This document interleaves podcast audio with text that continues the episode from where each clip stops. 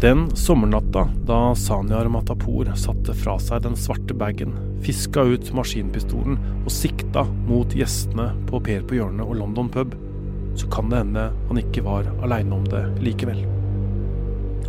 Fredag fikk vi vite at Arfan Bhatti er etterlyst internasjonalt, og at han er sikta for medvirkning til terrorhandling.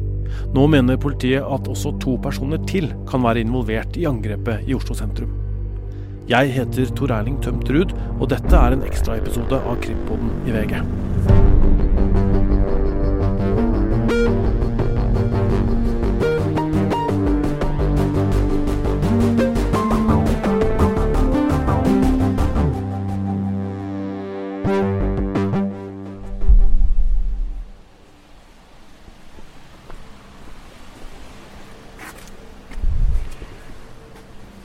Her er vi da på Per på hjørnet, og her borte ser vi London pub.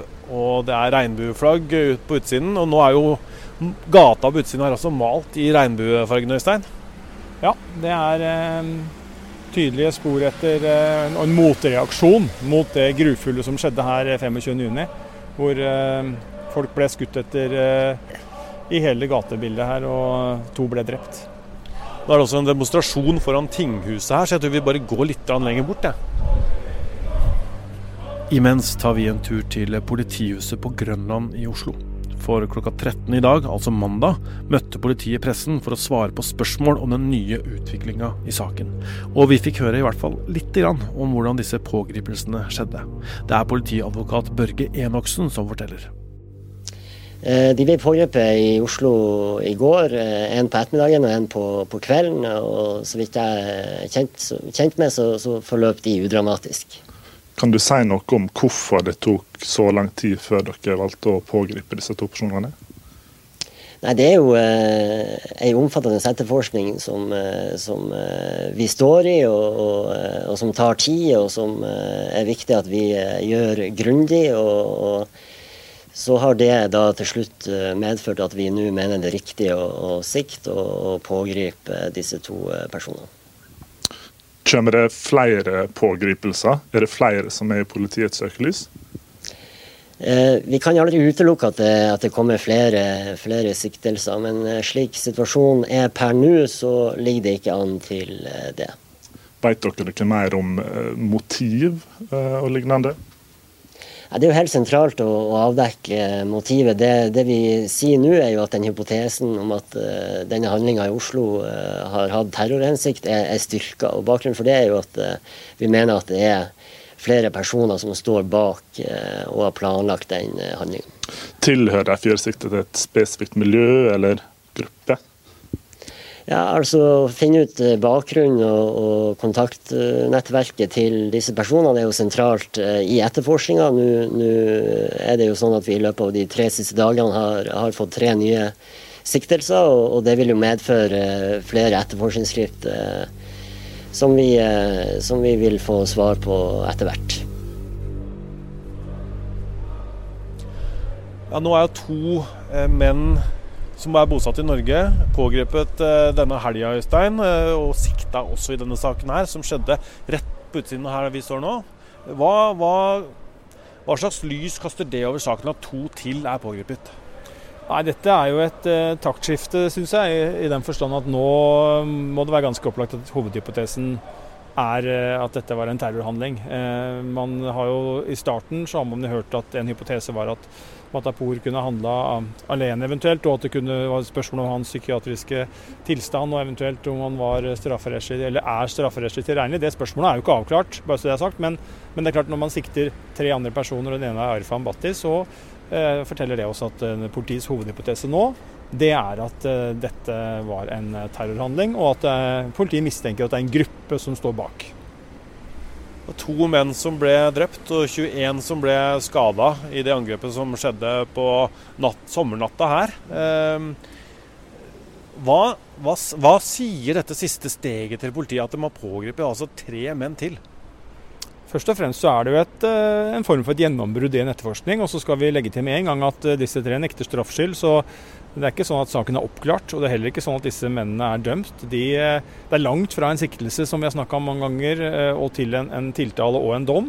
Men det er klart at når politiet mener at det er sannsynlighetsovervekt for at disse tre har roller, og så vet vi ikke hva slags roller, i det som nå ses på som et terrorangrep, så er det, så er det på en måte et gjennombrudd i den forstand at man da kommer eh, til et punkt hvor man har eh, folk eh, Noen sitter da i varetekt, og noen er etterlyst, men at man da har mistenkte gjerningspersoner som man retter etterforskningen mot, og nå skal søke å avdekke hvem som har gjort de ulike tingene, og, og, om de er skyldige. For det er også en del av bildet, at politiet skal jo etterforske til gunst og ugunst også for disse tre, selvfølgelig.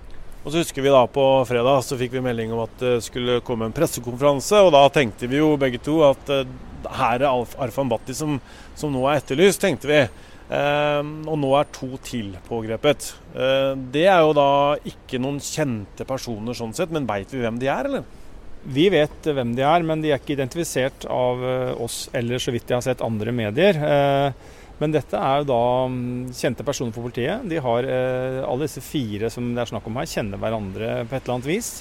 Eh, og så er jo disse to eh, i hvert fall, ja, disse to har vært involvert i straffbare saker begge to. og Den ene er dømt for å oppbevart samme type våpen som ble brukt her. Og så vet vi ikke om det er det våpenet, bare så det er understreka.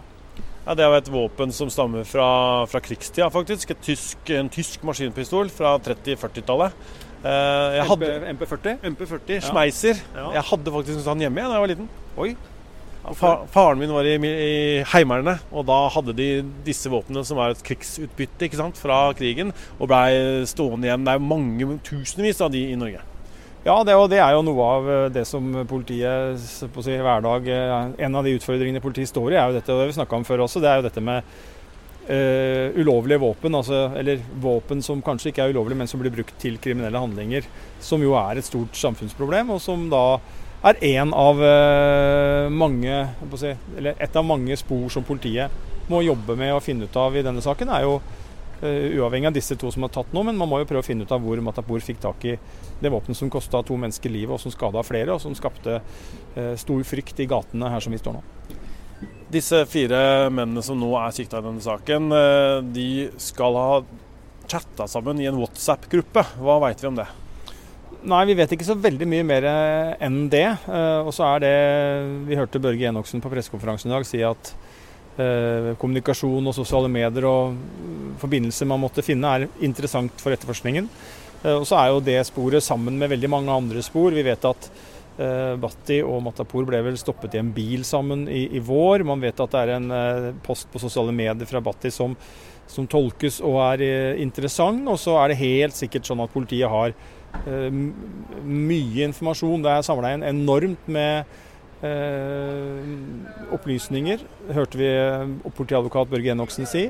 Og det, jo, det jo, tar jo tid å gå gjennom det, og så har man da kommet dit nå ca. på dagen, eh, blir det tre måneder eh, etter at dette skjedde, at man da har eh, gått fra å ha én sikta, som var er Matapour. Han ble jo pågrepet her i gata som vi står.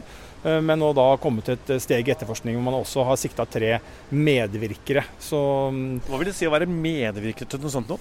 Det kan være så mangt. Det kan være psykisk medvirkning. At jeg f.eks. For forteller deg og prepper deg over tid at nå skal du rane en bank, Tor Erling, og forklarer deg nøyaktig hvordan du skal gjøre det. Eh, jeg behøver ikke gjøre det for at jeg skal kunne straffes for det, men det kan være et eksempel. da. Eh, skaffer deg våpen, gir deg fluktmuligheter osv. osv. Uh, gir deg plantegninger over noe. Men det kan også være mer sånn fysisk medvirkning, som kjøre en fluktbil, skaffe våpen, skaffe informasjon om et objekt, f.eks. en bank, da, hvis vi snakker om bankran. Så det er mange forskjellige måter å være medvirker på. Det at det skeive miljøet var målskive for dette angrepet, har jo vært en teori. Hvordan tenker du at den teorien står nå, når også flere er blitt pågrepet? Nei, jeg syns jo den er styrka. Jeg syns jo det at fire personer er sikta nå, og at man ser på dette i enda større grad som en terrorhandling. Det har jo vært en hypotese hele veien, det også, men, men det har jo vært litt mer uklart bilde, syns jeg, enn, en det er nå. Uh, og når man da vet at det skulle være eh, pride-parade dagen etter, og det har skjedd her ute for London pub, og en gruppe mennesker da etter politiets syn står bak dette her, så tenker jeg at også den hypotesen er styrka. At dette skulle ramme det skeive miljøet i Oslo. Disse to som nå er pågrepet i helgen, de eh, erkjenner ikke straffskyld. Og, og, har vel ikke Vi vet jo ikke så mye hva de har eh, sagt. Eh, men Arfan Bhatti, da, er vi noe nærmere der? Har politiet fått tak i ham? Nei. Vi vet jo nå, siden vi spilte inn en ekstraepisode før helga, at Oslo-politiet har vært i Pakistan og at man har innleda kontakt med pakistanske myndigheter med tanke på å prøve å få pågrepet Bhatti, og sikkert også utlevert han etter hvert. Men, eh, men, at man ikke, så vidt vi vet, har vært noen eh, kontakt der, og at det ikke er noen vesentlige framskritt for politiet der. Og at han har fått ny forsvarer. Han forsvares av Svein Holden, og årsaken til det er jo at Jon Christian Elden, som har vært advokaten hans før, han har jo allerede en rolle i denne saken. Som? Han er forsvareren til Matapour. Ja, vi får uh, tusle tilbake til eh, kontoret, Øystein. Det må vi gjøre. Det er jo rett oppi her. Kommer tett på når, uh, når det er uh, sånne grufulle handlinger som skjer på et område hvor vi ferdes både på dagtid og ja, det ender jo vi er her på kveldstid òg. Mm, mm. Det er jo flere utesteder her. og Det er jo et del av Oslo hvor det er mye, hvor det er mye liv. Reporter Ruth Einvor Nilsen har hjulpet oss med denne episoden. Eh, krimkommentator Øystein Milje var med. Produsent er Vilde Worren. Og jeg heter Tor Erling Tømt Ruud. Og husk nå at alle episodene av Hva skjedde med Nerid er ute. Har du hørt den siste episoden, eller? Du, jeg har ikke rukket det ennå, eh, men det står på lista mi, øverst på lista mi når jeg skal kjøre tog hjem i dag.